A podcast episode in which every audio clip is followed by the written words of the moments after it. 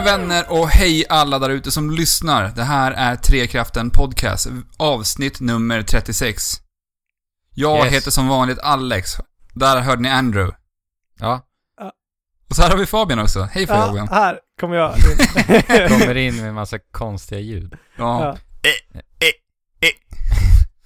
Vi eh, kom ihåg att eh, berätta vilket avsnitt det var den här veckan. Ja. Det gjorde 36. vi inte förra veckan. Nej. Vilken miss, men lyckligtvis så står det ju på titeln.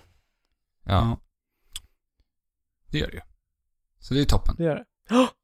Det här är ju för er som kanske, om vi har några nya lyssnare där ute, så är det ju här en tv-spelspodcast. Yes. ja. Men också dataspel. Ja. Spel helt enkelt. Ja, spel. Spel. Spel som spel. Fabian, har du kunnat släppa The Witness den här veckan som har gått? Uh, motvilligt alltså, men eh, jag har varit, eller jag, jag har behövt spela andra spel, helt enkelt. Men eh, jag har tittat in i The Witness, eller på The Witness, i The Witness-världen, eh, lite då och då. Och, Ja, Ja. Det är lite samma för mig. Det kommer ju så otroligt mycket spel just precis nu. Så att, ja. Jag har inte hittat tiden till The Witness, The Witness sen förra veckan. Nej, Nej. men som sagt, det där är ett spel som fortfarande funkar att ha i bakgrunden lite. Man hoppar in lite att- då och då liksom och bara, Ja. ja, löser några paneler eller försöker hitta någonting nytt. Jo, verkligen. Du då Alex, har du spelat något mer? Eh, Jag har ju spelat ett spel, men eh, det här kommer vi att spara till senare avsnitt att prata om. När ni också har spelat det. Men det är i alla fall ett litet indiespel Just det. ifrån Sverige som heter Aquatic Adventure of the Last Human. Men det ser vi fram emot. det kommer vi att återkomma till i framtiden. Mm. Senare Det- avsnitt. Och när jag inte har spelat The Witness, Då har du fått tänka i ett annat spel ganska mycket. Du har Ja. fått använda hjärnan väldigt mycket där också. ja, helt fantastiskt.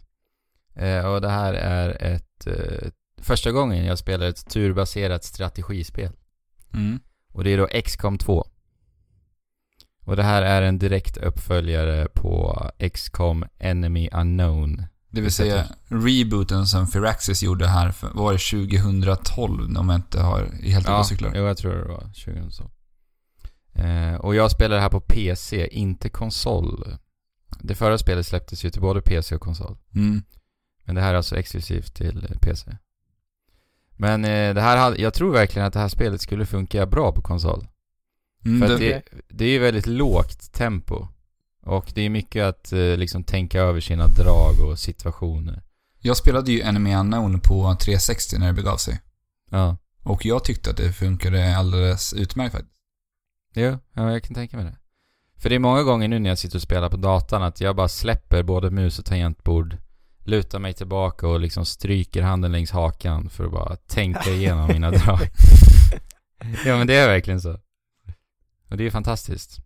Men som du sa Alex, det är Firaxis Games. Mm. De ligger också bakom Civilization. Ja, som de nog är deras största spelserie som ligger bakom. Ja men det är väl kanske det. Eh, Men XCOM eh, verkar ju vara en väldigt hyllad spelserie också. Ja. Och jag, alltså jag har varit extremt sugen på att spela XCOM ända sedan du pratade så gott om eh, eh, Enemy Unknown då. ja. Jag tror Jo. att det, det är så nämligen att Firaxis gjorde ju inte de tidiga XCOM-spelarna, utan de plockade upp och gjorde Enemy Unknown. Ja, precis. Det stämmer. Det Utan stämmer. det var en studio som faktiskt, en annan studio som låg bakom de tidiga spelen som, låg, som gjordes till PC där på 90-talet. Ja. Så att det här är ju lite speciellt för mig att eh, äntligen få sätta tänderna i det här va? Mm. Och som sagt, det är ett turbaserat strategispel och det här utspelar sig på jorden. Mhm. Och eh, den primära fienden är utomjordingar. Av massa olika slag och de verkar ha tagit över jorden. Det här utspelar sig alltså 20 år efter Enemy Unknown. Och eh, där så agerade man väl någon form av försvarsstyrka. Var det Ja. så? Jo, precis. Alltså XCOM var ju en organisation som skulle liksom rädda planeten ifrån hotet ifrån yttre rymden. Ja, precis. Men de lyckades eh, i och med den här uppföljaren nu att erövra planeten. Men hur gick det för dig Alex, när du spelade detta? För man kan väl också utplåna dem helt och hållet? Jo, alltså jag gjorde, jag, jag lyckades ju inte klara av det här spelet fullt ut. Alltså Nej. det var ju det här, äh, spelet har ju då permadeath. Ja. Och det har ju du fått känna på. När dina Oh ja. karaktärer dör och de kommer inte komma tillbaka hur mycket du än vill och försöker så kommer de. Nej. Och eh, det där hände med flertal gånger så till slut så tappade jag mitt tålamod. Men man kan göra som du säger, få olika slut. Så att du kan rädda planeten också. Men Firaxis valde i och med XCOM 2 att låta... Pissa på alla fans som har klarat det första. Ja. Eller bara jävlas med dem. Hon tycker Ja. att det är väldigt roligt. Jag tycker det är, ja det är kul, det är riktigt kul. Men i alla fall, XCOM 2. Eh, nu är jag då en befälhavare i en cell för motståndsrörelsen, så vi är rebeller nu. Eh, och vårt uppdrag är att eh, återta jorden egentligen. Det är det premissen är. Och jag satt ju och streama när jag påbörjade det här äventyret. Och det här spelet börjar ju med en ganska lång, men också välbehövlig eh, introduktionsdel. Eh, och den här introduktionen bara överöste mig med information. Så det kanske inte var det optimala spelet att streama precis i början av spelet. Nej. För som Nej. du säger Alex, det är ju permadeath på det här. Så Mm. det är en, ett ganska intressant spel att streama. I och med att man kan eh, döpa sina härliga stream-tittare till eh, olika namn. Döpa soldaterna helt enkelt. Mm. Och även vapnen kan du döpa i det här spelet. Ja, precis. Men som sagt, och speciellt när jag aldrig har spelat ett sånt här spel tidigare. Turbaserat strategispel överhuvudtaget. Så att jag satt, det var nog inte den mest underhållande streamen tror jag inte. Men du gjorde ditt bästa i alla fall. Vi kanske Men- får se en stream här i framtiden. Ja, det... När du är lite mer rutinerad. Får inte säga för mycket men eh, det skulle vara kul. Det finns ju en härlig svårighetsgrad som heter Iron Man om jag inte missminner mig. Och det innebär att eh, Du Du kan inte helt ladda. har- du kan inte ladda nej. Så att allt som, alla val du gör blir eh, de slutgiltiga valen.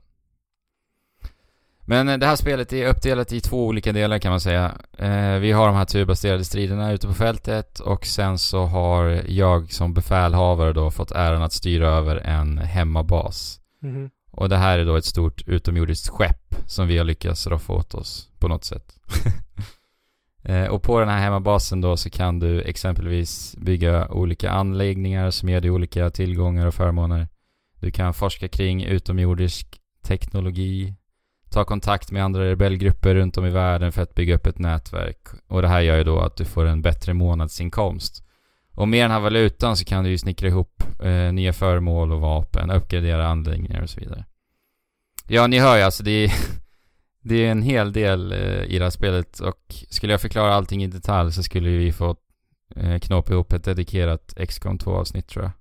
Mm. Jo, alltså det där minns jag i Enemy Unknown. Att det var ju... Man, man fick ju verkligen prioritera sina val man gjorde i bas, själva basbyggandet. Oh ja.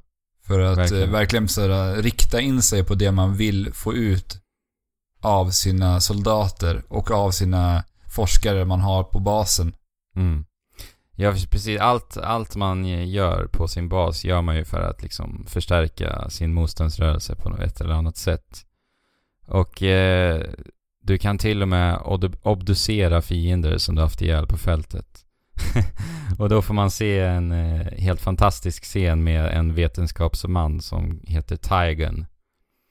Eh, då får man se när han entusiastiskt bara gräver och gräver i de här varelserna. För, och så ser man bo- både det ena och andra bara skvätter. det är helt fantastiskt. Och han, jag gillar verkligen rö- röstskådespeleriet på just den här karaktären. Han är så här jätteentusiastisk och eh, blir ständigt fascinerad av eh, den här utomjordiska teknologin. Jag älskar honom. Jag, han påminner lite om Snake i Metal Gear Solid 3. Specifikt. Fabian, du vet vad jag pratar om. Ja, ja, när han eh, blir som ett barn på julafton. När han får sin första pistol i spelet. Ja. Det är de, lite så eh, Tigen. Ja, det, så att de är har, kul. lite, de har lite humor i allt det här dödsseriösa, jorden håller på att gå under. mm, det skulle jag säga. Ja. Skönt. Speciellt i och med den här, just den här karaktären. Det är, men det är fokuserat där. Ja, det skulle jag säga. Ja. All right. Men eh, i alla fall, det är också ifrån den här eh, hemmabasen som man då tar sig an olika uppdrag. Och det kan ju vara allt ifrån eh, att göra inbrott på utomjordiska baser till att eskortera ingenjörer och så vidare. Hur funkar uppdragsupplägget i det här? Eh, för att i Enemy Unknown så var det så att man fick se planeten. Och det ringer olika... Så man ser olika platser på planeten som behöver hjälp. Ja, Det bara poppar upp lite överallt och man måste liksom så prioritera vilken plats man vill bege sig till. För att Ja, vissa precis. platser kommer, all, du kommer aldrig kunna rädda alla platser. Utan du, nej. Eh, de där... I det här spelet så blir det där, eh, vad ska man kalla det för, events ungefär. mm, Eh, Jag ska bara säga först att tidigt i spelet Då får du reda på att utomjordingarna är i farten med ett topphemligt projekt. Det här kallar de för The Avatar Project. Och vad det är för någonting, det har jag ingen aning om, men jag antar att det inte kommer att göra någonting gott. Eh, och efter att du har fått vetskapen om det här projektet så är det en mätare som hela tiden påminner dig om dess framgång då. Okej. mm, Eh, så att det är hela tiden jättemycket att hålla reda på. Eh, så det gäller verkligen att prioritera, precis som du säger Alex. Och allt du gör tar tid i det här spelet. Och tid eh, är ju då i lika med framsteg för The Avatar Project, som jag nämnde. Så att valen, de växer snabbt och blir jättemånga och det är väldigt svårt att eh, inte känna den här beslutsångesten verkligen komma krypandes när du ska progressera. Oj. Alex, du, du har ju sagt många gånger att jag borde spela det här för att det är ett bra spel för mig, säger du. mm. Men med min beslutsångest, det, det kan vara en bra träning för dig. Ja. Det, det kan det absolut. Precis. Jag tror det. Det kan vara bra Fabian för dig. Men eh, Där, valen där, är... där blir en bra stream. Fabian spelar XCOM. Alltså. ja. Men eh, det är så härligt också för att eh, de här valen, de blir väldigt avgörande för alla kommande händelseförlopp. Så man får ju verkligen, verkligen, verkligen planera sina drag. Och det är lätt att ångra val som du har gjort för flera timmar sedan. Det hände faktiskt mig. Så jag spelade till och med om spelet helt från början efter att jag hade spelat i 12 timmar. På grund av att jag märkte att jag hade gjort eh, någonting helt åt pipan. Mm. Men jag, jag, jag älskar verkligen det här eh, och hur du än gör så kommer du aldrig kunna, kunna progressera helt felfritt. Så det är hela tiden mycket som står på spel. Så man får liksom kämpa sig fram hela tiden. Mhm. Kände, kände du likadant med det första spelet? eller? Ja, jo jag känner igen mycket utav det du säger. Ja. Men Och, eh, eh, uppdragsstrukturen i sig, alltså som du säger Alex, du var tvungen att välja mellan tre tre uppdrag kan man säga. Ja, det funkar, det var lite olika. I, i Anime No var det så att det, det var utmarkerat på jorden då, så att det var i olika länder man be, blev tvungen att Mm. besluta sig om vart man skulle bege sig. Ja, precis.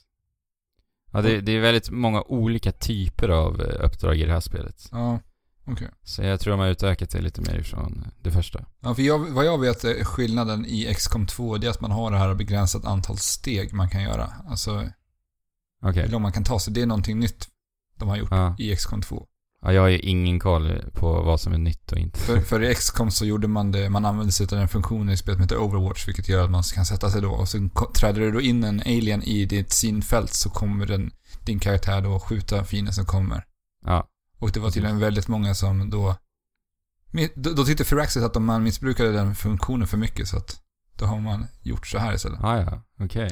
För att liksom ändra spelsättet hos spelarna. Så, så att det kanske blir lite mer offensivt istället. Ja. Ah, Och ja. än, ännu mer det här, att bringa fram det här jobbiga beslutsångesten, vad man ska göra. ja, precis. Det ligger väl säkerligen någon baktanke i det där, kan jag tänka mig. Mm. Men okej, sen förutom att hantera eh, den här basen så skickar du ju även ut soldater på uppdrag, som sagt. Eh, och du har en grupp på fyra till sex personer, var det så i det första också? Ja, men det skulle det vara, tror jag. Ja. Låter Och du kan, ju, du kan ju med varje individ skräddarsy utseende, du kan namnge dem och så vidare. Och jag gjorde ju det här givetvis med Trekraften. Mm.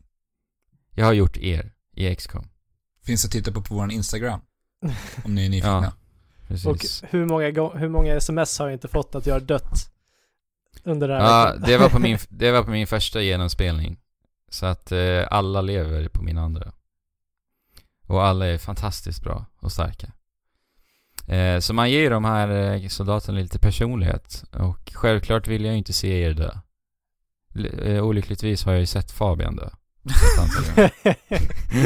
Hur fick det dig att känna? Jag vill inte veta. Ja, nej. Det var, det var inte kul Fabian. Men jag, alltså ångesten innan jag trycker på launch mission. Den ångesten är, alltså det är svårt att mäta sig med den alltså. Men i alla fall väl på fältet då så befinner vi oss på olika platser runt om i världen och eh, alla uppdrag är slumpmässigt genererade. Eh, och Wow. det, gör, det ger ju ett eh, lite omspelningsvärde. För när jag spelade om spelet så det första uppdraget jag fick upptäckte jag var inte alls densamma som det uppdraget jag fick när jag först spelade spelet. Och det visade sig vara så, fortsätta vara så.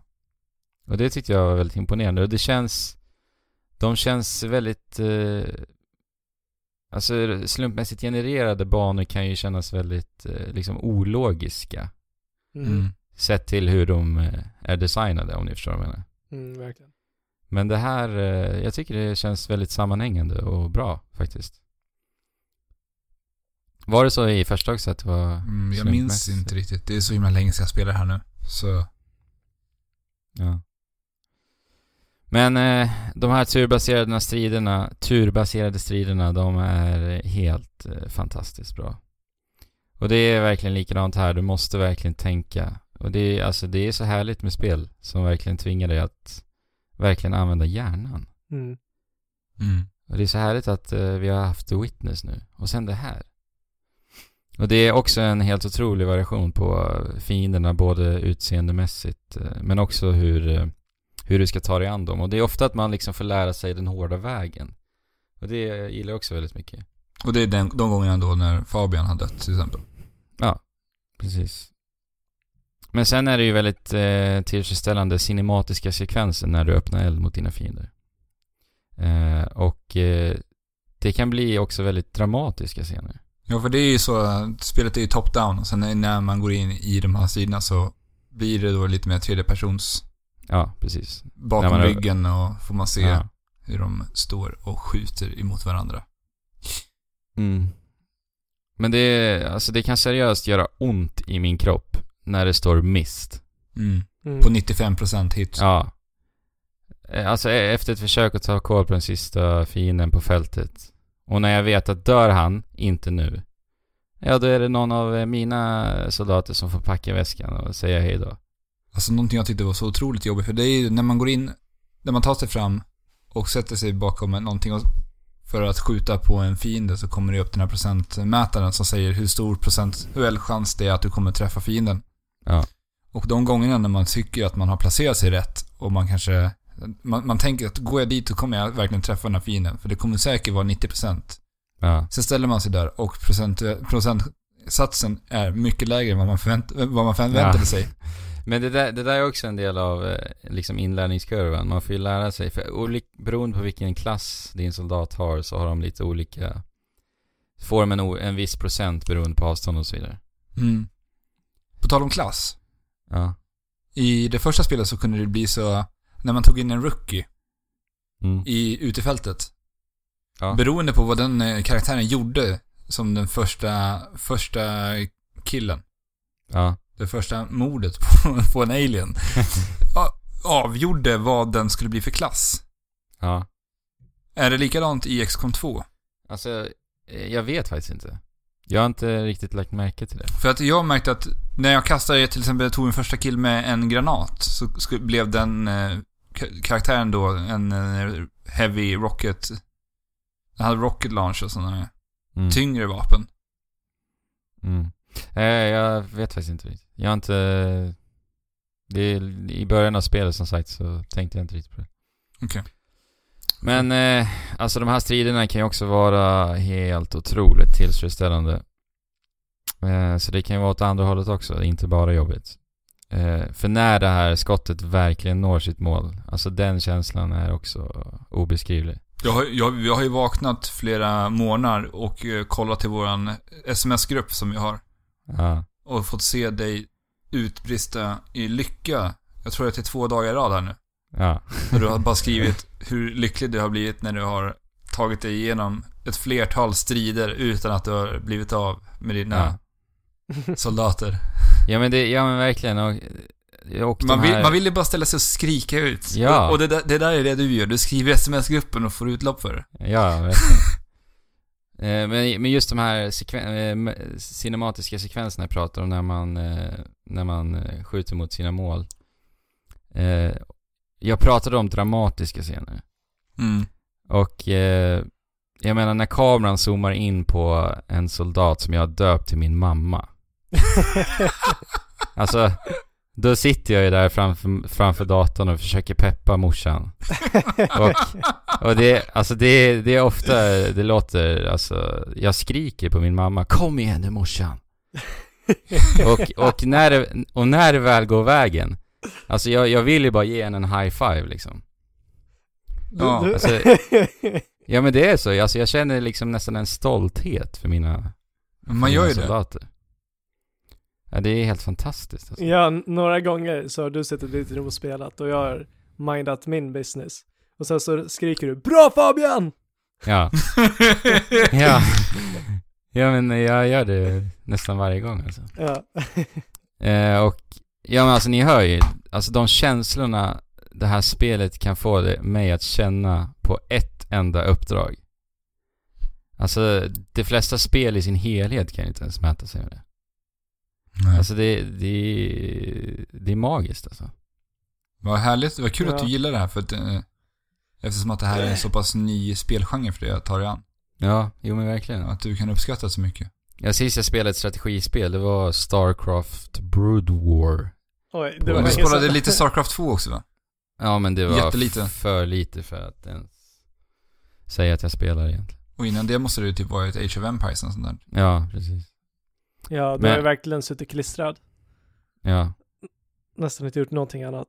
Nej, alltså jag, jag är uppe i en 25 timmar nu på några dagar bara.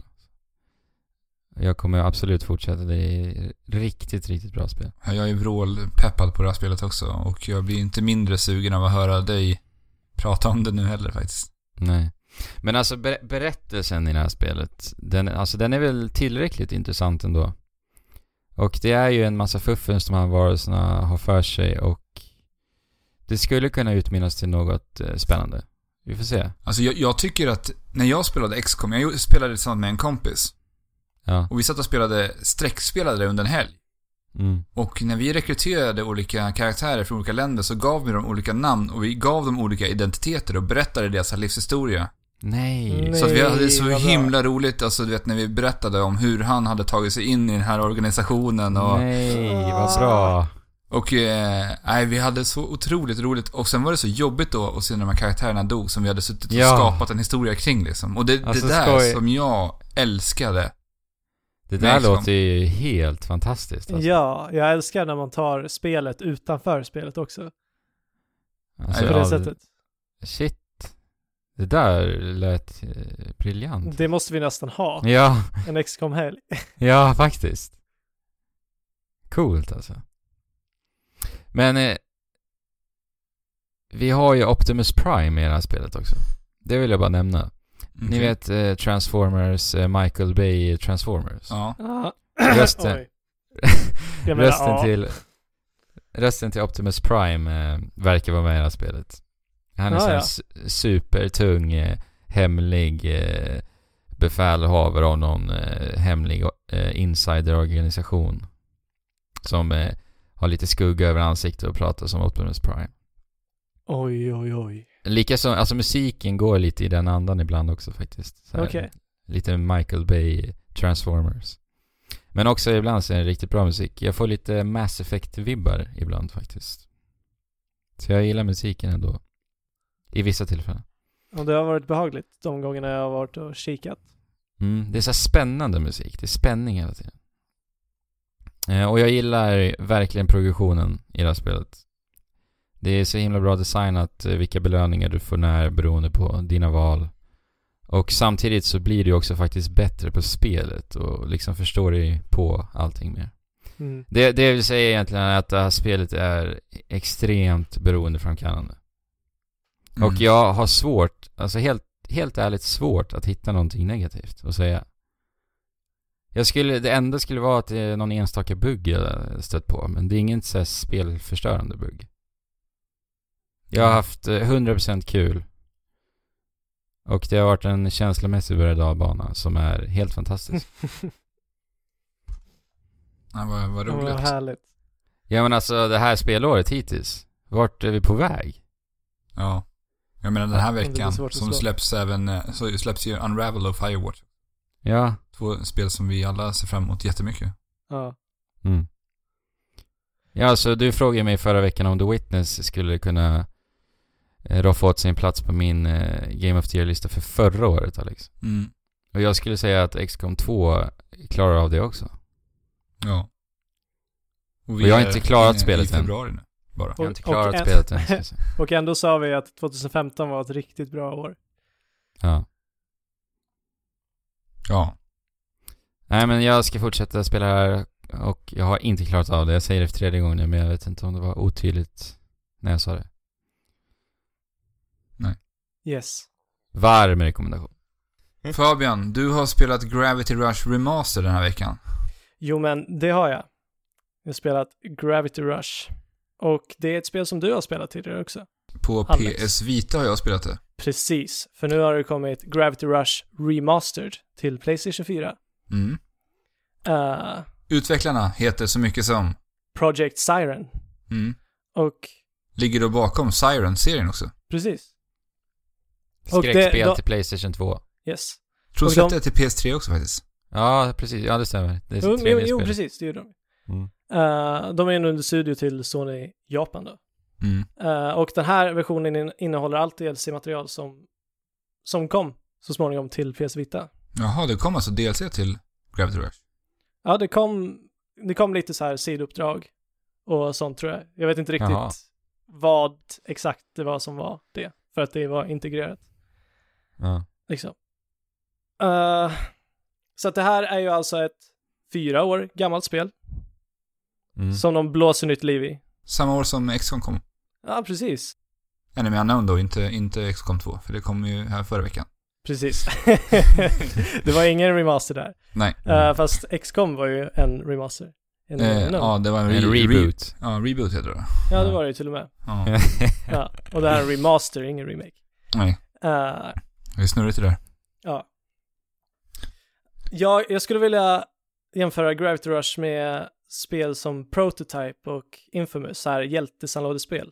Mm. Fast det är en helt annan tappning. Mm. Det, det är väldigt så här anime-inspirerat och det är cell-shaded. Cell och jag tycker verkligen om estetiken i det här spelet. Och med tanke på att det här från början var en vita titel så är det riktigt snyggt. Så har de gjort ett riktigt bra jobb med det här. Ja, jag gillar också estetiken väldigt mycket. Mm. Och jag, fast, jag har sneglat in lite när du har spelat det här. Och jag fastnar väldigt mycket för menyerna. Mm. Riktigt bra UI. Alltså, Ja. all, hela spelet känns väl polerat, liksom allting smälter samman till en salig röra. Ja, vi har ju pratat mycket om det här med att menyer tillför till en helhetsupplevelse. Ja, Och, verkligen. eh, Och det, det lyckas Gravity De här med. med. Ja. lätt. Konversationer och storyn och sånt berättas med stillbilder, som om de vore tagen, tagna ur en serietidning. Och uh, storyn är som följande, lite snabbt summerat, att våran hjältinna Cat faller från himlen och hon landar i den mörka, dystra staden Hexville. Och hon vet såklart inte hur hon har kommit dit va? Nej, självklart inte. Har ingen aning om vem hon är. Eller vad hon gör där. eller, Ja men fy fan vad originellt. eller att hon kan eh, kontrollera gravitationen. Nej. Ja, hon kan kontrollera gravitationen med hjälp av hennes kattkompanjon. Ja, en magisk Just- katt. Ja, en ma- Sailor Moon. Ja, hon är också en magisk katt. Det har hon. Eh, Om man hade en sån. du, du har ju en katt Alex. Ja, man är fan inte magisk alltså. Jag tycker han är magisk. Med sina stora runda ögon. Ah, ja. Uh, storyn. Hon börjar utforska den här staden och eh, börjar försöka hitta sin identitet lite. Och så framkommer det att en massa stadsdelar från den här eh, staden i luften, ska vi säga att den ligger i också, som är väldigt viktigt för själva sammanhanget. Uh, stadsdelar har sugits in i svarta hål på grund av de monstren som härjar. Och de går vid namnet Nevi. Vad är det för, för fiender i det här spelet? Fienderna är typ ehm, mörka skepnader. Jag antar att de är eh, baserade på någon typ av mytologisk, ja, har någon mytologisk förankring. Eh, Ja. Bara mörka skepnader. En stor One Piece, en stor svart One Piece med ett öga någonstans. Ja, Och ögat förstår jag då är punkten där du ska slå dem. det är deras enda svaga punkt.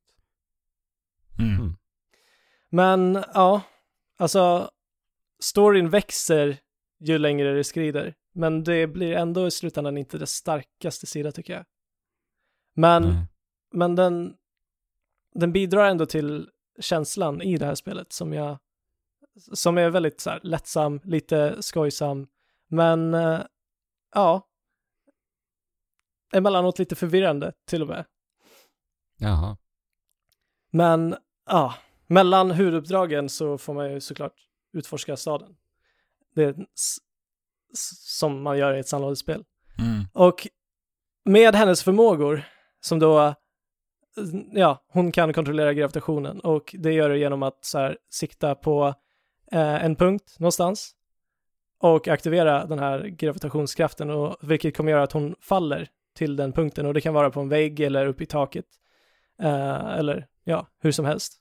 Och när hon landar där så kan hon springa på den ytan som om det vore ett golv. Mm. Och det där, just svävdelarna, när man fall, eller fa- falldelarna i spelet, vad man ska säga. Ja, man precis. kan färda sig runt på det här sättet. Ja, Minns jag som, jag älskade den funktionen jag spelade. Det var så himla frisk spelmekanik när det kom. Och jag spelade det här. Ja, och det, det är fortfarande riktigt kul att åka runt i staden och samla de här kraft, kraftkristallerna som finns överallt. Vad har vi dem till? Ehm, de används för att upp, uppgradera dina superkrafter. Så att, alltså, jag har spenderat ganska mycket tid att bara liksom sväva runt och framförallt i början lära mig mekaniken. Det där låter ju lite som Crackdown va? Mm. Ja, jag har ingen aning. Jag har inte spelat det. Samla på sig agility orbs i det spelet. Ja. Det var det som var kul i princip. Ja, det var det Andrew gjorde hela tiden. Alltså. Ja, När jag stompade in på hans rum. Och jag fick inte prata för att han skulle lyssna efter de här ljuden. ja, där orbsen befann sig. Ja. var, var det första att ta alla achievements i Crackdown? Nej, det tror jag inte. Inte, nej, jag är lite osäker på det. Men Mm. jag var nog ganska tidig tror jag. Den sista orben, det tog ett tag att hitta den alltså. Men Alex, på vitan så kontrollerar du um, kameran med, med rörelser. Nej, gyrofunktioner. det gjorde, man gjorde det nog med eh, spaken om jag inte är helt... Det, det är ju ett sedan jag spelar här, men jag har Ja. för mig att det var med högerspaken. Helt och hållet. Eh, jag För- kan inte minnas exakt. För, jag tror det... ja. För i det här spelet så uh, kan man göra så här små justeringar med uh, ja, gyrofunktionen i kontrollen. Okej, funkar det... Vad, vad är det man gör för justeringar då? Kontrollerar... Nej men ja, uh, man, sikt, man siktar ju liksom dit du vill falla och i ett fall kan du också attackera liksom. Ja. Uh, så att det är, det är viktigt att man liksom men vadå, du kan- kan typ kan svänga höger och vänster då? Eller justerar du hela gravitationen genom att luta kontrollen då, eller? Uh, nej, alltså du, du flyttar bara kameran, Ah, Okej. din kamera, och gör små justeringar. De stora, de stora dragen gör du med uh, spaken naturligtvis. Och det, det blir lite som, uh, jag har alltid, eller sen, sen jag spelade Ocarina of Time så har jag hyllat den här gyrofunktionen när det kommer till att sikta på saker. Mm. För att det blir så himla akkurat. Ja, Ocarina of Time till Till, DS. 3D, till 3DS ja. Mm. Um, Ja, och, det, minns... och det gör man väldigt lätt på det här och det känns nästan exakt som att göra det på min 3DS. Ja, men jag minns eh, Uncharted Golden Abyss till Playstation Vita. Ja, Det var likadant där. Det var faktiskt riktigt härligt att, eh, att sikta med den här gyron. ja jag, jag vill gärna se sådana här hybridsiktningar i framtiden. Mm. Mm. Som det finns i Splatoon också. Ja, men där får du välja antingen det ena eller det andra. Mm. Ja, Lite. precis. Det är just de här finjusteringarna man gärna vill göra Ja, med just gyron. alltså ja, bara enbart. Eh, men då gäller det att inte bli alltför exalterad och slänga med kontrollen medan du spelar. För det kan Ja, förstöra en hel del. Det gillade jag jättemycket i GTA 4 faktiskt. I GTA 4 när du siktar in på en fiende, då använder du, för du, eller vad säger man, låser siktet på en fiende. Ja, Mm. Då använder du sedan högra spaken för att göra små, små justeringar i, som i en cirkel i siktet. Ja, just Det Ja, tycker just det. jag om väldigt, väldigt mycket. ja. Tråkigt att de inte hade med det i femman också faktiskt. De kanske ville ha en lite mer realistisk tappning. På något sätt. Kanske. Jag vet inte. Ja, lock-on-funktionen finns ju inte i verkligheten. Nej, den livet. gör ju tyvärr inte det. Om det ändå vore så. Mm. Eh, men Gravity Rush, som ett sant sandlådespel så finns det naturligtvis också sidouppdrag och, och utmaningar att ta sig an. Eh, Mm. Men det märks också tydligt att det från början är en vita titel på det avskalade innehållet. Det finns inte så himla mycket att hämta. Men Nej. det, det tycker jag är en bra sak här. För jag tycker, jag tycker som jag många gånger tidigare sagt, att sandlådespel ofta blir för stora och det finns för mycket att göra som i slutändan känns meningslöst och bara är tidskrävande. Ja, men, men det är där som många utvecklare pratar om att man, man vill bara fylla ut på, eller för, många spelare vill ju ofta ha ti, tid, Ja, mycket tid ur sina spel. Och då, då blir det så att utvecklarna bara slänger in sådana utfyllnadsuppdrag för att man vill ha lite, vad heter det, game Ja, value liksom. man, vill, man vill ju kunna säga att du kan sp- spela det här i hundra timmar. Ja, ja, precis. Och då blir det ett sälj, en, ja, Men genom att hålla det lite mer avskalat på det sättet och fokusera sina sidouppdrag lite mer och kunna skapa mer, färre men mer kanske varierade sidouppdrag är ju verkligen att föredra. Är det så i de här sidouppdragen? ja, jag vet inte om det liksom är mer fokuserat, men det är i alla fall inte lika mycket, så att det liksom blir en väldigt, alltså närmast perfekt intervall mellan sidospår mellan- och handling. Vad sa du? Variationen mellan sidouppdragen? Finns det mycket variation i dem? Jo, men alltså det... Um, sidouppdragen i sig är, fokuserar på eh, en story. En, är en blir du så här en, ett hembiträde för en rik tant och så gör du bara lite så här. Det, de är småmysiga liksom. Utmaningarna, Mm. det, det är där jag tycker är liksom... Det, det tycker jag absolut är spelets starkaste sida. För, för där måste du, eller där får du en chans att så här, ja, sätta dina gravitationsskills på prov, helt enkelt. Mm. Eh, Men jag, jag minns att jag gillade mycket de här äh, typ fetch quest, fetch quest-uppdragen i det här spelet. ja, ja. Att man skulle ta sig liksom runt från punkt A till punkt B. Jo, det, ja. Jo, precis. det, det, det är någonting man väldigt sällan annars uppskattar i eh, sandlådespelen. ja, precis. Men det förekommer spelet- inte allt för ofta heller. Nej. Så att det liksom, det blir inte utmärglat på samma sätt Nej. heller. Och sen är det ju så, som, jag, som du pratade om, den här funktionen. Att kunna justera gravitationen är ju jätterolig att använda tyckte jag. Ja, verkligen. Eh, och att använda det här liksom på att, eh, för att besegra fiender eller liksom uh, racea runt i staden på tid. Det, det, det tycker jag är, var oerhört kul Mm. och tillfredsställande. Men det blev aldrig särskilt svårt. Riktigt. Men i de mest intensiva stunderna så måste man verkligen ha koll på alla, alla funktioner som den här kraften innebär. För det blir många tryck per sekund när det verkligen gäller. Och det ger ett väldigt skönt flow. Ja, vad kul. Men olyckligtvis så är kameran inte helt och hållet hundraprocentig och det kan ibland sabba det här flowet och Mm. göra dig helt och hållet desorienterad. Men, Ja, jag, för mig när jag tittade när du spelade här, visserligen så tror jag som eh, eh, åskådare så är det kanske lite svårare att hänga med, men, jo det tror jag. Men, men, men, jag det, fattade ingenting. Nej, men det, det är ju det som är kul, att man bara åker fram och tillbaka och flänger hit och dit hela tiden. Så att Ja. det är, alltså, eftersom att det är ett sånt spel så är det inte konstigt att kameran blir lite, eh, ja, Nej, lite sabbad ibland. nej.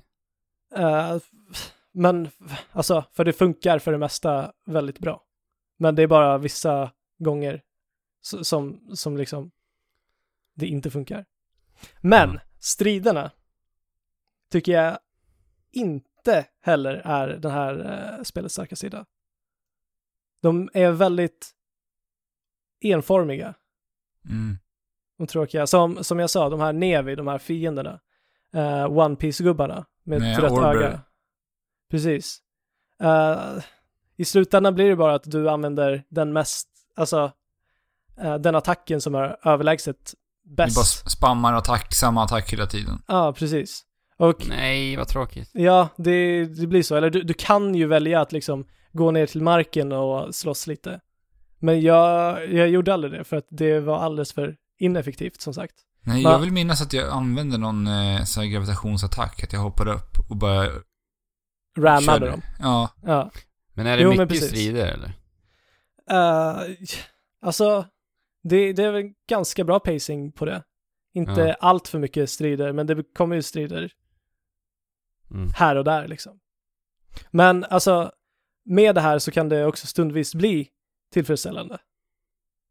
För, för Mm. att det liksom, det går snabbt och du bara, du bara köttar dig igenom horder av fiender. Det blir Men- aldrig som i slutspurten i uh, Uncharted-spelen, att du bara vill att det ska ta slut liksom. Nej, nej alltså, inte när, när eh, striderna är liksom en väg Ja. till ditt mål. Då, Mm. då kan det liksom på vägen dit vara eh, kul att bara äga lite, Ja, om du fattar. Ja, ja.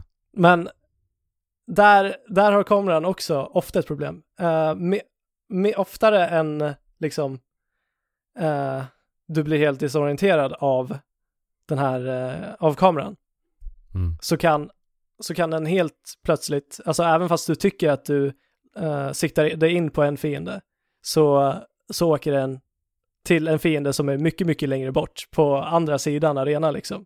Till, Mm. Den kan till och med vara bakom en vägg. Och det, det är otroligt irriterande. Ja, usch. Men, det där ja. låter ju inte kul. Nej, det, jag antar att det har lite att göra med hur väl du siktar. Men eftersom att det inte finns något lock-on-system här, utan att den väl, spelet väljer att locka på den fienden som är närmast det du siktar på. Ja, ja. Mm. Så, ja. Så att, Kanske hade varit bra, bra i 3D då? Vadå? Att spela det här spelet i 3D. Så du ser vem som är... Ja, precis. ja, ett av de få spelen. Kanske det Ja. blir VR på Gravity Rush 2. Ja. Det hade varit en riktig berg. Ja, jäklar. Ja. Nej, men eh, i alla fall. Jo, Lock-On. Ja. Eh, jag hoppas att de har något bra, eller kommer på en riktigt bra idé till uppföljaren. Vad gäller det. Mm. Men sen alltså, jag gillar estetiken. Och som sagt, UIn och menyerna är, är, är väldigt bra. Det, det smälter samman med spelet som en helhet. Mm. Men herregud, Japan. Varför ska sådana här kläder vara nödvändiga? Är vi där igen? Alltså, det är absolut inte det mest osmakliga sätt. Det är, det är till och med ganska återhållsamt med, ja, med vissa mått. Men de måste ändå alltid sexualisera när det kommer till kvinnorna. Och det är, Ja. Så är det. när, när ska de sluta med det? Ja. Men i alla fall, helhetsupplevelsen av det här spelet är att det är ett välpolerat spel med mindre brister rätt igenom. Och jag jag hade, jag hade kul när jag spelade. Men ser du fram emot tvåan i och med det här nu då? Alltså, det beror på vad de gör det till faktiskt. Ja. Min största far farhåga är att de kommer göra det för mycket, att de vill för mycket med spelet. Att det blir till en annan, bara ett annat open world-spel. Ja. Vi får ju hoppas att de inte tar alldeles för mycket inspiration utav västvärlden då. Nej. och Vi får försöker hålla efterlikna alla våra open world-spel här. Ja. Men lock-on-förmåga, som jag sa tidigare. Och sen vill jag se mer kreativa förmågor och strider. Mm. Alltså utifrån vad jag har sett ifrån tvåan så tycker jag ändå att eh, just striderna ser ganska intressant ut. Ja, jag måste, jag måste kolla upp det igen, för att när jag såg den första gången så hade jag inte spelat det här och hade ingenting att relatera till. Mm. Men ja, alltså som sagt, den, det är ganska avskalat det här spelet, men det funkar ändå riktigt bra. Och, Vad roligt. och ett fullskaligt PS4-spel i den här Mm. andan, det, det kan bli hur bra som helst. Mm. Ja. Ja, jag är ju peppad på tvåan faktiskt. Ja, men jag också faktiskt. Och jag har inte spelat ettan heller. Så. Vad Ja, roligt. men eh, ska vi ta och pausa lite här? Det gör vi. Det gör vi.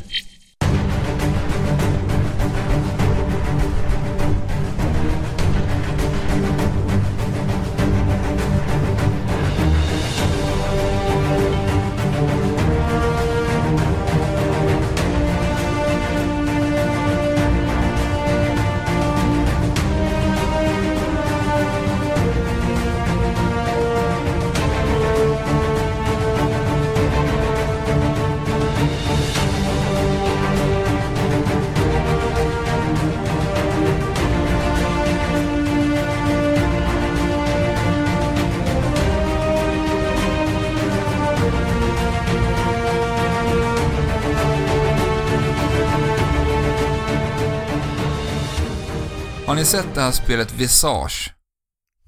Eh, ja. Som eh, kickstartades. Det ska alltså vara... Det är ett indieutvecklat spel från en studio som heter Sad Square Studio. Jaha. Och det ska alltså fånga den här känslan som PT. Som Mm, ni, ni känner till. Och om de har lyckats alltså. Du Alltså- kollade på trailern här precis innan vi satte igång och spelade in igen. Alltså utifrån trailern att döma så eh, PT kan ju slänga sig i väggen alltså. Mm, ja, det, det är otroligt snyggt det här spelet. Ja. Det är snyggt. Stämningen är, alltså kalla kårarna längs ryggraden alltså. Det är nästan omätbart. Alltså, det här lär ju vara, Sad Square Studios då, lär ju vara folk som var, blev väldigt Inspirerade. Inspirerade, men också, vad heter det, eh, missnöjda, nej, besvikna på Ja. att PT Ja, ja. aldrig kommer bli av. Ja, det känns ju verkligen som det. Det här är ett svar från fansen. Nej, nu ska ni verkligen få ett PT. Ja. Men det är inte längre Kojima och Gullabello som... Ja, just det. som, som han du kallar honom. Guillermo del Toro som gör det. Nu är det Square Studios eller. Men det här spelet vart i alla fall finansierat på bara 12 dagar på Kickstarter. När startades den här? Ja, det för är jag så mig, pass alltså. Ja. jag för mig att jag såg det här för länge, länge sedan. Nej, du tänker på, eh, vad heter det där? Allison Road? Ja, just det. Allison Road, det var Ja. det jag tänkte på. Nej, det här har varit upp, kom upp ganska nyligen. Ah, ja, Det var Marcus som har varit med och gästat den här podden som pratade om det här spelet för mig. Här i helgen. Mm. Som fick mig att kolla in det här. Och det ser ju skrämmande ut alltså. Och det är Ja, kul. alltså, det är kul att se att ändå man plockar upp den här idén och gör någonting annat. ja. Jag Okej, vill- jag, tar, jag tar tillbaka att PT kan slänga sig i väggen, för utan PT hade kanske inte det här funnits. Ja. Nej. Men jag, jag såg också lite roligt, de har som en sån här stretch goal nu att få det här till att släppas. Kunna finansiera det för att göra en VR-version av det här också. Oh my god! Det kan ju ge skador hos folk alltså. Ja. det, det är big, big no-no för mig alltså. Ja. Alltså, men hörni, tänk er att vi är alla tre. Vi har det till VR och sen så kan det projiceras på skärmen också. Och så varvar vi vem Men som har stack, skärmen stackaren på. som sitter där med VR-brillorna, alltså stackars den. Ja, ja, men, men vi varvar ju. andra sitter och skrattar och tittar på TVn. Shit, det hade blivit en riktigt bra helg tror jag. Ja. Eller Nej, inte. det hade inte... Ja. Nej, jag är för harig för det där alltså. Ja. Nu, du har ju agerat lite Nintendo nyhets, eh, vad ska man säga, nyhets... Eh, Nintendo Nyhets. En Ankare. Nintendo nyhetsankare. Ja, åt oss här i de eh, gångna De veckorna. senaste veckorna, ja. Har Ja, du något mer från Nintendo? tycker jag. Ja, jag tänkte fortsätta med lite Nintendo. Eh, och ni vet eh, Club Nintendo som eh, Nintendo la ner här för ett par månader sedan. Yes. Den där tjänsten som, Vi aldrig fick ta del av. som vi aldrig fick ta del av. Eh, ersättaren till den heter ju My Nintendo. Mm. Och vi har ju ända sen Club Nintendo la ner verkligen hoppats på att My Nintendo kommer att bli bekräftat för Sverige, såklart. Ja. Och det är det nu. Det, det- är en fröjd. Ja, det är det verkligen. Äntligen får vi säga. Och det är i mars kommer det här kicka igång. Redan i mars alltså. Ja, det är Men- i mars. Vet du Andrew om eh, Mitomo är bekräftat för Sverige? För det ska ju släppas där i mars någon gång också. Ja, jag för jag är inte helt hundra, men jag för mig att Sverige inte är med på den första Nej, jag tror inte heller det. Släppfönstret. Nej. Men My Nintendo, det ska ju vara deras svar. Som jag, som man förstår det när man läser deras uttalanden kring det här, verkar det vara deras svar på typ achievements och sånt. Ja, precis. Kommer det Ja. nu i mars också redan? Det vet vi inte riktigt. Men det ska Eh, väl vara en plattform som ska knyta an de här kontona på något vis. Ja, alltså My Nintendo kommer att eh, bli tillgängligt både via Nintendos konsoler men också ifrån mobiltelefoner. Mm. Så, och man, man samlar poäng på olika sätt. Och hur vet vi inte. Nej. Men de kallar eh, en poäng för Platinum Points. Okej. Och det här kan du få genom att spela appar eller att logga in på e-shoppen och möta olika, olika kriterier. Okej. Och de här poängen då så kan du sen eh, byta mot eh, olika prylar och så vidare. Så, Digitala varor helt enkelt. så det handlar om eh, typ webbhallens levelsystem? Ja, det kanske Lite. är något sånt. Kanske. Vi får se. Ja. Och sen Spännande. finns det gold points också. Det, de poängen får du genom att köpa saker på e-shop. Ja, ja okej. Så Platinum Points är inte det, okej. Nej. Eh, och sen kan man då tydligen byta, byta in det mot rabattkoder och liknande. Men alltså att ha, som, som vi spekulerade i, om, om förut, om man skulle kunna få sådana här poäng genom att klara utmaningar i Nintendo-spel. Ja. Men det är det det kanske kan tänkas vara också. Vi vet ju faktiskt inte. Ja, vi får Vi se. hoppas ju det. Alltså, i så fall så lär det väl komma till NX i så fall. Ja, Ja. precis. Ja, det lär väl vara då i så fall. Men jag är jätteglad att det här kommer till Sverige alltså. Mm. ja, det är Ja. kul att vi får vara en del av det den här gången. Ja. Har vi något mer på Nintendo-fronten eller? ja, det har vi faktiskt. På tal om Mitomo. Mm. Nintendos första mobilspel. Mm. Eh, deras nästa mobilspel har de sagt nu kommer att eh, handla om en av Nintendos mest välkända karaktärer. Oj. Uh, Okej, kan det vara Mario? De menar. ja. En av mest välkända, ja det är att Mario eller Donkey Kong skulle jag väl gissa på. Ja, det kan ju vara både och. Ja. Ja. Eller inte båda Zel- samtidigt. Nej, Zelda tror jag inte. tror jag inte heller. Nej. Speciellt inte i och med att det här spelet kommer i år. Eller så vill de marknadsföra Zelda Wii U. Vi får se. Nej, jag vet inte. Jo, det är ju ganska bra tillfälle i och för sig. Alltså Ja. att eh, sprida lite Zelda på, på eh, mobilplattformar. Mm. Men alltså, Animal Crossing till mobil. Nej, alltså. Alltså det hade varit optimalt. Ja, det tycker Ja. jag också.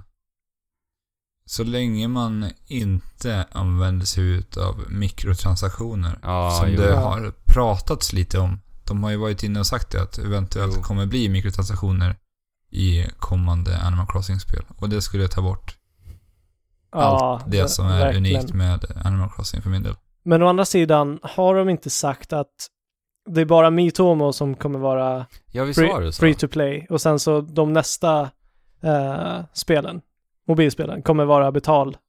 ja, jag har för mig det faktiskt. Ja, Jag hoppas innerligt att det är så. Mm. Ja, vi får se. Det är ändå spännande att se vad, vad de kommer med för mobilspel. Om det ska vara ett Mario-spel, alltså jag undrar om det kommer vara liksom ett eh, plattformsspel eller? Ja, det blir ett Doodle Jump med Mario. Ja. vad tråkigt det hade varit. Ja, herregud. Ja. Ja, på tal om Nintendo, jag kom på en sak nu. okej. Pokémon fyllde 20 år i helgen. Som var Ja, just det. Oj. Grattis! Grattis Pokémon! Shit, Alltså, det är sjukt alltså. Ja. Vad länge det har funnits. verkligen. Men dock inte heller släpptes ju några år senare här i väst. Okej, eh, Alex, favorit Pokémon-spel? Eh, ja, men det är väl det som ändå ledde, sig, ledde en in på Pokémon. Så att jag skulle säga då för min del är det Pokémon Röd. Okej, favorit Pokémon? Charmander. Fabian, favorit Pokémon-spel? Eh, spel, om, om jag inte ska tänka så som Alex så har jag mest fina minnen ifrån Ruby och Sapphire. till Mm. Game Boy Advance. Och Pokémon. Ja. Favorit-Pokémon? Mm. Sand Favorit- Slash. Ja. För sig, jo lite Sand Slash är jag med dig som ändå. Okej. Du är ganska lik honom ändå. ja, det kanske jag är. Ja, faktiskt. Väldigt lik. Ja. Ja, jag har alltid tyckt att han var skitcool. Ja. Ditt favorit Pokémon-spel, André? Jag måste säga blå. Ja. Men jag har också väldigt fina minnen ifrån Ruby.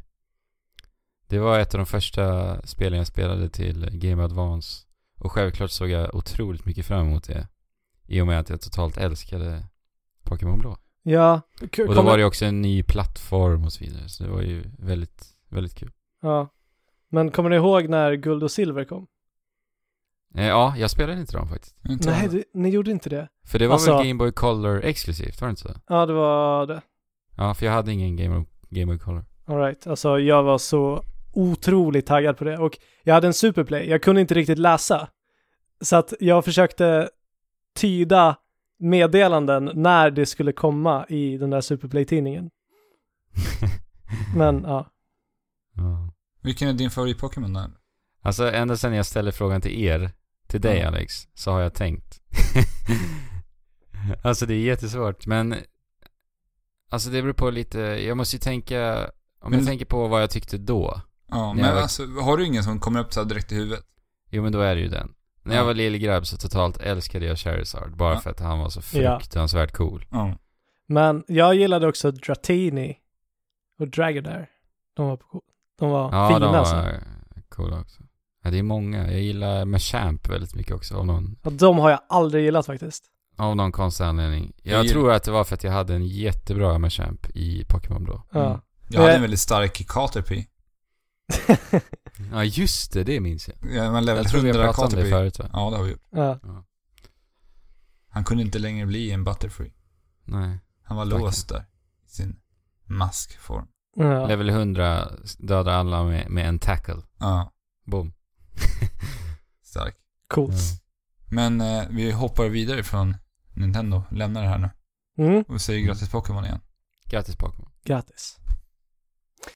Jag har, jag såg den här, eh, eller en dokumentärfilm på SVT Play som på engelska heter GTFO, Mm. eller Get the fuck out. Mm. Eh, och de har översatt den Logga ut för fan. Och det är, det är en dokumentärfilm som handlar om kvinnor i industrin. Eh, om hur kvinnor blir eh, trakasserade. Eller har blivit trakasserade. Och ja, allt det här som ledde upp och som blev konsekvensen av Gamergate. Ja, just det. Eh, så jag tänkte bara rekommendera att se den. Och när ni väl är på SVT Play så finns det även en film som heter, en svensk film som heter eh, Blipplopp. Mm. Har du sett den också eller? Den har jag inte sett, jag har kikat, kikat lite på den, men Mm, eh, inte sett sett den den. i sin helhet. Vad säger du om den då? Mm. Alltså, jag, jag har ju ändå kollat på en del sådana här grejer. Alltså på, eh, på YouTube och jag har ändå sett rätt mycket av det. Men det är jättekul ändå att SVT gör det. Det var inget unikt sådär tyckte jag. Nej. Men det är kul att den man... om, om? Det spelmusik, hur den har, förändrats. Ja, Ah, ja. Från blipploppen till eh, att spelas på symfoniorkester. ah, men det är lite coolt ändå. Mm. Ja, men jag, jag, jag, jag känner att jag har ändå sett så pass mycket av det. Så det gav inte mig jättemycket. Men om man inte har sett någonting sånt här tidigare så är det ju verkligen en rekommendation. ja. Jo, verkligen. Men får Och- man se resan liksom att, eh, att spel bara blippas i Nintendo-konsoler? Ja, de hoppar lite emellan och ser från olika... Bland, man får ju ändå bland annat se från den här uh, Syntax Error-klubben hur man... Ah, ja. Och sen hoppar man till symfoniorkester och man får träffa en som jobbar med att skriva spelmusik och så vidare. Det är lite allt möjligt i en uh, dokumentärfilm. Ja, Mm.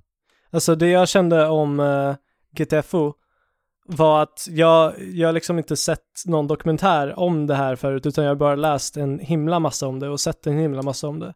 Men här fick man liksom en ansikte och en mänsklighet på det hela. Mm. Eh, sen när vi väl snackar eh, SVT Play så ligger ju Score där uppe fortfarande. Mm. Den som vi var på är i höstas. Ja, precis. Ehm, ja, en Och- symfoniorkester med uh, Orvar musik. Sävström. naturligtvis. Men visas det, vid, visades den här på, alltså på, På tv också? på tv Ja. också? Ah, de, ja. hade ju, de hade ju en speldedikerad afton. För Ja. två veckor sedan tror jag nu. Ja. Och de har sagt att det här är en... De kommer göra det här flera gånger, så att det här är bara den första delen i Alltså det är försöka... ju helt för- fantastiskt. Ja, Ja, men ja, det är jättekul. jätteroligt att eh, spel har börjat integreras i liksom, den allmänna kulturen också. Mm. Men Nej, tänk men- vad ändå liksom förvånande för folk som sitter hemma och tittar på SVT. Mm. Sen visar det sig att det är en massa spelrelaterat som rullar. Ja, det får man ju verkligen eh, ge tummar upp till SVT Ja. för. Ja, verkligen. Och Mm. eh, alltså typ min farfar skulle behöva se den här blipplopp för att förstå mig lite i alla fall. Han, han har aldrig förstått den, den musiken jag har lyssnat på överhuvudtaget. Mm. Eh, men han gillar klassisk musik. Så där Ja. finns det ju en förankring. Liksom. Ja, Då ska, du, då ska du skicka en länk till SVT Play till honom tycker jag. Ja, det ska jag göra. Mm. Trevligt. Amazon har nu utannonserat en grafikmotor som de kommer släppa, som heter Lumberyard. Mm. Precis. Det är lite intressant tycker jag, för att det var ju för några år sedan som de gick in och har köpt upp några spelstudios, bland annat den här studion som heter Double Helix. Mm. Men den här Precis. kommer väl vara helt och hållet gratis? Ja, Den här motorn? det ska den vara. Och eh, till skillnad från Unity och eh, Unreal som är de då stora motorerna som mindre utvecklare använder sig av, eller utvecklare överlag då, så tar Mm, de precis. en viss royalty-avgift när man väl lanserar sina spel. Ja, Men det just här ska funka på något annat vis. Mhm. Ja, Som jag inte riktigt förstår ännu, för att det verkar... det har någonting med typ så här sociala medier och streamingtjänster att göra, Ja, Okej. som jag förstår det. jag och Fabian satt och försökte luska i det här hur de skulle göra pengar, men vi förstod inte riktigt på det. Men det intressanta i det här, tycker jag i alla fall att, eh, att Amazon ger sig, verkligen, verkligen försöker satsa på spelen. Ja, Alltså att de ser... unlikely. De, de har ju sin Fire TV också, som eh, är deras svar på en Apple TV, som kan, man, de säljer mer än spelkontroll till också. Okej. Och den här, de här studion Double Helix, det var ju de som eh, tog upp eh, Killer Instinct förut och gjorde spelet till Xbox One. Ja, ja. All right. Som de nu äger. Så Okej. vänta, försöker Amazon liksom etablera någon typ av spelkonsol med sin uh, Apple TV, Ja, Fire TV heter den. Fire TV heter det. Ja, alltså det, är väl- det är väl en lite sån här enklare variant då. Men jag vet inte riktigt. De kanske tänker långsiktigt här nu va? På Ja, någonting. alltså, ja, men vadå, kommer spelen som utvecklas med det här, den här motorn Lumberyard, kommer det vara spel för deras Fire TV då? Eller? Nej, det kommer inte vara. Nej. Nej, att Utan det det- här, den, här, den här Lumberyard kommer att vara för PC och konsoler, står det. Okej. Och den ska vara gratis att använda. ja, Och det är, som Fabian, du berättade för mig här nu att det, det, de köpte bland annat upp, köpte in sig en del i alla fall hos Crytek. ja, Och Det- det, här, det här motorn bygger då på CryEngine. precis. Så att det är nog en relativt bra motor. Ah, ja, um, och de, kom, de kommer ju vinna liksom kriget mellan vil, vilken grafikmotor utvecklare ska använda. Eftersom Ja. att de här inte kräver några, några royalties. Och det är gratis att använda och ja, moneta, monetasera. Får se vad det blir. Ja, det är intressant att det kommer upp lite fler grafikmotorer. Ja, verkligen. Alltså, Ja, och om den är byggd på CryEngine, då kan vi förvänta oss väldigt fina spel. ja, ja, det, det de visar är riktigt snygga saker. Ja, coolt. Lumberyard heter den. Ja, så vill ni börja utveckla spel så uh, tänk på att Lumberyard finns också. Eller vill vi? Ja, eller vill vi? Jo hörni, eh, på tal om PT. Mm. Ja, Eh, och eh, Hideo Kojima och Gullabello del Toro. Guillermo del Toro. Mm. Så kommer de att äntra scenen på DICE Summit. Som alltså är ett, ja det är ett spelevent i eh, Las Vegas i USA. Och det står för Design, Innovate, Communicate, Entertain. Är det något för eh, utvecklare då främst? Ja, det verkar vara en massa olika konferenser med spelutvecklare och, och så Mm. vidare. Så Och- Kojima och Del Toro då? Ja. Och vad de ska göra på scen, det får vi väl se. Ja, Men, men är det här PT på G eller? Jag, jag är osäker på om det är PT, men det är roligt att de fortfarande vill ha en... eh, Ett samarbete. Ett samarbete. För jag har för mig att Guillermo sa att han aldrig skulle ge sig in på spel igen. Ja, för han, men han det såg kanske- sig själv som någon slags... Att han hade någon slags förbannelse av sig när Ja. det kom till handelsspel. Men Ja, saken, precis. är, saken är ju den att vi har ju, det här skulle lika gärna kunna bara, lika gärna kunna bara vara en konversation med dem emellan. Det behöver ja, ju inte handla om, om att de ska göra ett spel igen. nej, men det kan ju kanske någonstans antyda det. Ja. Så det är ju spännande att se. Mm. Men eh, vi ska väl som sagt inte ha för höga förhoppningar. Nej, de kanske bara sitter och hyllar varandra. ja. Pratar Ja. om... Eh, Deras Ja. minnen och, ja. ja, och deras karriär. Men eh, eh, det här DICE Summit äger rum den eh, 16 till 18 februari i alla fall. Okej. Så Vi återkommer till det. Nästa det som vecka händer. Yes. följer vi upp det. Yes. Har ni hängt någonting på game trailers i era dagar? Ja, då har man gjort en hel del ska jag säga. En Ja. hel, hel del. Ja, en hel del skulle jag också säga att jag har gjort. Det var stället som jag förut brukade gå till för alla eh, spel, trailers och recensioner och på, på internet. Ja, ja, samma här. Det var verkligen det första jag tryckte på på webbläsaren när jag satte på min dator. Ja, Mm. När man Jo, gick in samma på här. Google och sökte på Game Trader så kom ju deras sida upp. Och den hette så enkelt som GameTraders.com. Så att, så himla genius. ja. Mm. Vi har fått den uh, sorgliga nyheten att game trailers läggs ner. Ja. Och detta mycket på grund av, eh, ja, de, de har ingen plats i liksom konkurrensen längre nu när YouTube är så stort och Let's Plays är så stora och så vidare. Så att de, jag antar att de inte går runt längre. Helt enkelt. Nej. Nej, det måste väl vara så. Nej, men man har ju sett liksom hur så här, enstaka individer har blivit så himla relevanta för spelmediet idag på, på YouTube. Ja, precis. Jag menar att spelutvecklare vill låta till spelare som Pewdiepie spela sitt spel. För att då, då vet de att det, ge honom ett ex och lite pengar så kommer det att få en mycket större spridning. Ja, än vad som helst de kan göra annars. Ja. Så att eh, klimatet har ju förändrats en hel del. De, bara de senaste åren här. Ja, ja. Det är en underdrift.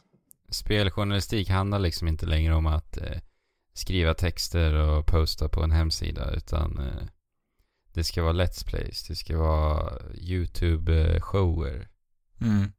allt möjligt. Ja, och jag kan, se, jag kan känna att det är en liten, lite bitterljuvt. Ja, Lite vemodig känsla. Att, ja, tiderna förändras, men det, det är ju så det är liksom. Jag tror att det, det där handlar nog mycket om att när man själv som eh, tittare kanske kan relatera sig mer till personer som när man får se en bild, man sitter och spelar med saker och ting. Ja, men precis. Att, det blir mycket mer relaterbart än att sitta och läsa en text. Det blir det. Och dessutom så, liksom, som sagt, det finns otaliga YouTubers där ute som spelar spel. Mm. Eh, och om du hittar en personlighet som du kan rel- relatera med, ja, då kan du också lita på hans ord. Ja, men precis. Eller hennes ord. Mm. Det är tråkigt tycker jag ändå, men Jo. Jo, men det, saker och ting förändras ju ständigt. Men det ska bli kul, eller intressant att se vart de kommer att ta vägen ändå. De ja, som, de som jobbade på Game Trailers, ja. ja, för det finns ju några riktigt eh, härliga personer där tycker jag. Mm. Jag Ja. håller helt med dig. Som hade varit tråkigt om de helt och hållet försvinner. Jo, men de kan ju starta en YouTube-kanal och göra s- fortsätta göra sin skit liksom. Ja, lite som eh, eh, Greg Miller gjorde i och med Kind of Funny Games till Ja, exempel. precis. när han gick ifrån IGN då. Ja, kanske något sånt. Ja, för de har ju redan liksom en bred popularitet. Ja, ja, verkligen. Eh, Folk kommer ju definitivt att sakna Brandon Jones eh, videorecensioner Ja, hans alltså- härliga röst. Alltså den rösten. Ja. Nej, kommer jag aldrig mer få. Nej! Oj, jag har inte ens tänkt på vad det här innebär riktigt rent för mig emotionellt. Ja, jag, jag gillar ju deras egenproducerade material. The Final Bossman är ju en stor favorit. Uh, han med är- Kyle Bossman som håller sina långa monologer för sig själv och Ja. rasar på saker och ting. jo, han är en härlig prick också. Ja, men det lämpar sig ju ypperligt för YouTube liksom. Så Ja, men att- det gör det. Ja, många av de här kommer ju klara sig. Ja, men jag, Okej. jag, tror, jag tror inte att vi har sett slutet av dem här. Jag tror vi kommer få se dem Ja, Ja. inom en snar framtid igen. ja de Fast behöver ju- bara I en ny skepnad. ommobilisera Jo, sig lite. Ja. Men eh, det var veckans nyheter då. Ska vi Ja. gå till veckans... Frågor.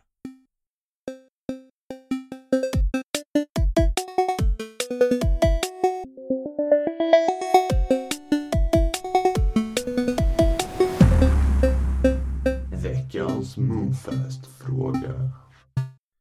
Den där lilla gingen som ni hörde där skickade Abirsh in som är en lyssnare till oss.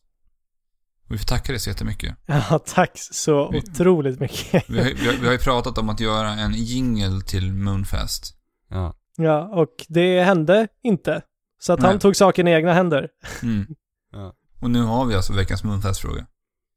Jättekul. Hej på er styrkors. Styrkors. Hur ligger det till med era mörkare sidor och undertryckta aggressioner?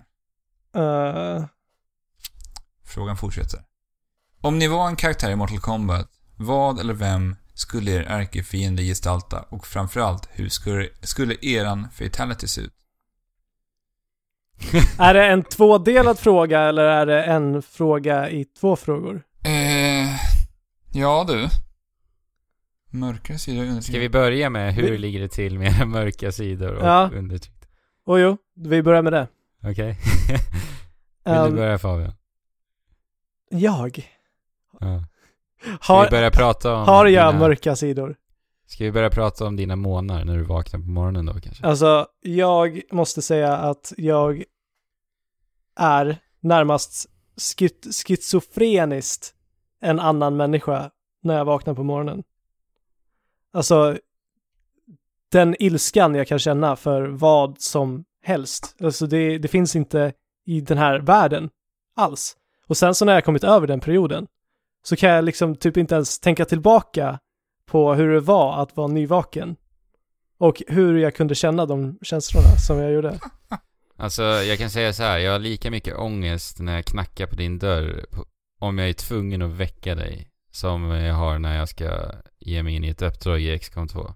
Ja, fast du Mm. vet i XCOM att du kan göra någonting för att Vi hade ju lite komplikationer Ja, men- gällande det där förra veckan när vi skulle redigera förra veckans avsnitt. Så blev Andrew tvungen då att redigera avsnittet. Det var hans tur att redigera avsnittet och Fabian ligger och sover. Andrew behöver hans ljudfil. Mm. Andrew väntar och väntar. Han skriver till mig. Vad ska jag göra? Han vågar inte väcka Fabian. Nej. Så, Så han, han väntade. Och du, du, du trodde att han skulle vakna ganska snart, men jag tror det tog en två timmar någonting. Ja. Och du sitter där och väntar ihärdigt. ja, jag hade jobbat natt så att jag gick ju la mig vid liksom 9-10 tiden på morgonen. Ja, Mm. det är en demon när du är nyvaken. Ni då? Men grejen, grejen är Fabian att jag, Ja. jag, jag tror ju också alltid att, alltså jag provar ju på liksom nya metoder också varje gång jag knackar på hos dig. Ja, För att liksom kanske på något sätt vända det här va? jo, alltså ibland så lyckas du ju bättre. Ja, men det är Ehm. därför jag menar att ångesten är väldigt likvärdig den med, i och med Ja, ja okej, så att det blir Ja. liksom som en prövning. Ja, precis. Eh, och du vet inte riktigt vad du ska förvänta dig. För att det där, det där varierar ju i styrka det Ja, också. Från jag menar det. morgon till, ja. Okej, så Mm. ja, det var en bra li- liknelse i så fall. Men hur lägger till med era mörkare sidor och undertryckta aggressioner? Det du pratar om, hur du mår när du är nyvaken. Ja, Det är jag när jag är riktigt jävla hungrig alltså. ja. Då blir jag sådär. Ja, nej, jag kan gå Mm. hungrig hur länge som helst. Ja, nej, jag Till blir, skillnad från jag, dig. jag blir en riktigt jävlig människa att ha att göra med när jag är hungrig alltså. Men du äter ju aldrig, så hur går det ihop?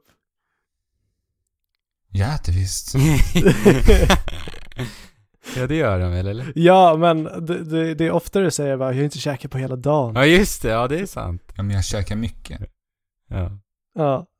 Färre gånger. Men, eh, ja, alltså det enda jag, det är inte ofta jag, jag är arg alltså.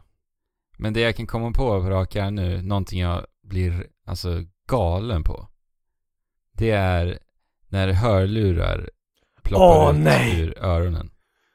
Det är så otroligt jobbigt. Ja. Och nu ska jag säga till er alla lyssnare att köp aldrig någonsin AJs hörlurar om ni inte älskar när hörlurar ploppar ut ur öronen. Vilken antireklam det där var. Ja men jag, Ja. alltså, jag, jag har seriöst blivit så förbannad på de här hörlurarna att jag Alltså jag avskyr dem så mycket så att jag blir glad av att Av att säga det här till alla lyssnare. Alltså, Ja. något, de, de är totalt värdelösa. Alltså tittar jag åt eh, höger, bara tittar åt höger, då ploppar den ut. ah, nej, det funkar inte. Nej. Nej. Alltså jag blir nästan arg av att bara prata om dem. Shit. jag förstår det. Dessvärre har jag bara just, just dem nu, så det, det är jobbigt. ja. Ja, Vi måste nästan skynda på lite grann här. För att Mortal Kombat-frågan, jag kan inte riktigt... Jag har inte spelat Mortal Kombat så speciellt mycket. Så jag vet inte vad jag ska säga på den här frågan.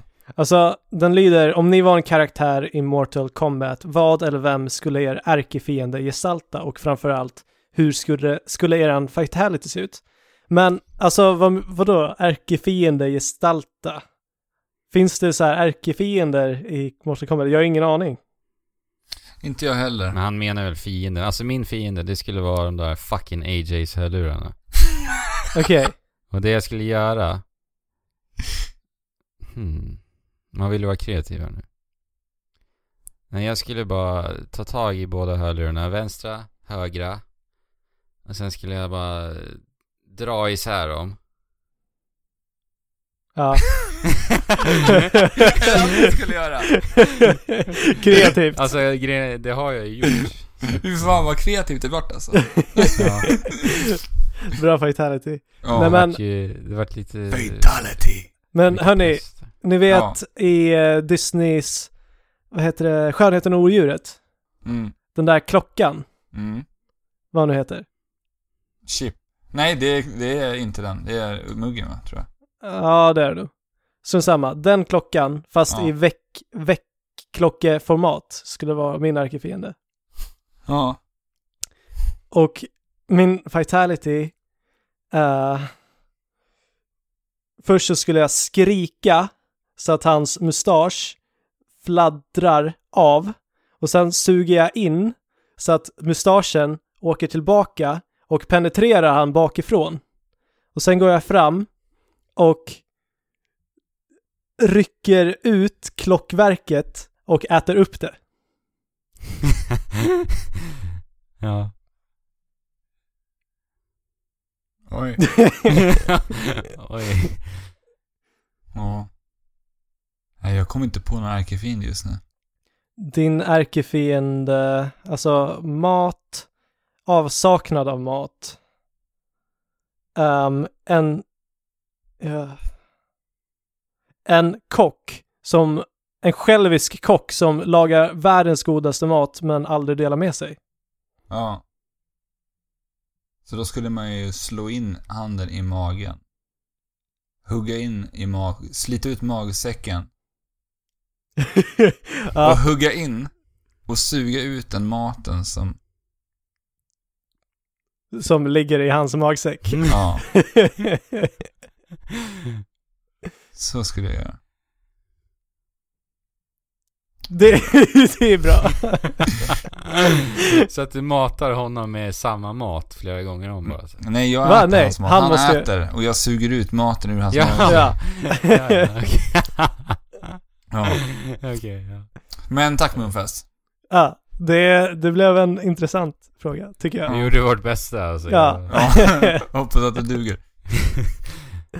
Eh, sen skickar jag Birch in en fråga också. Om Ja, ni fick välja ett valfritt spel, en valfri person att spela med i 24 timmar, vad hade ni då valt? Jag kan svara på den här, jag tänkte på den här nu när vi satt och besvarade den andra frågan.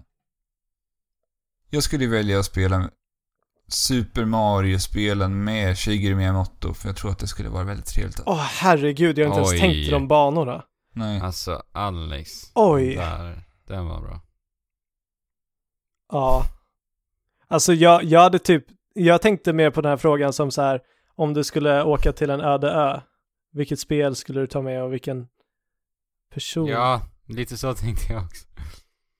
Men Ja. jag var inte tillräckligt smart där alltså. Nej. Okej, ja, det, det hade jag framförallt också velat Ja, det välja. vet jag ju att ni alla skulle, ni båda skulle vilja göra. Ja. Så att jag tog ju en lätta svaret nu. Ja, och det är ju Du tråkigt får- att säga uh, Zelda med Asia Asia Numa. Noom. ja. Nej. Nej men, kanske, kanske typ Final Fantasy 6 och Nobuo Ematsu så pratar man om musiken genom hela spelet. Ja, men då, ja, hinner du klara det på 24 timmar? Ja, det gör du då. Nå, eh, Du måste ju vara pigg också. ja men, ja. Jag bara ladda upp. Jag kör rätt igen. Det fixar du vet du. Det finns ju energidrycker. Mm. Andrew. Eh, oj, oj, oj, oj, oj. Det här är svårt. Det, Mm. Ja, alltså, vi kommer ju komma på mycket bättre svar i retrospekt sen. Eller i framtiden, alltid. Som man alltid. Men då kan vi lägga upp det, för det här var en Ask FM-fråga, så då kan vi svara på dem i efterhand. Om ni kommer på något bättre. Ja, det Där vi är också sant. nu finns. Det är sant. Men om man tacklar den från, från det andra hållet då? Att du får välja liksom Alltså som en öde ö-frågan. Nej men alltså jag, jag måste ju säga liksom det jag vill. Jag försökte att inte säga något Nintendo nu men det gick inte riktigt. Faktiskt. Ja men kör hårt. Så att ehm, jag får väl säga Aja Numa. Och Zelda. Men det där var alltså veckans avsnitt. Avsnitt 36. Mm. Det var det. Så sant Och- som det var sagt. Nästa vecka gubbar, vad har vi på agendan då? Vi har spelat Unravel och vi har spelat Firewatch.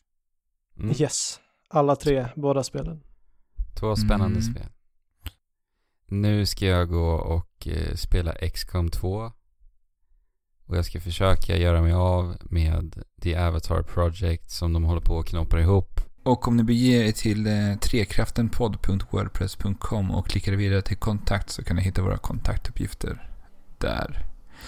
Och ha det nu så gott till nästa vecka så hörs vi då.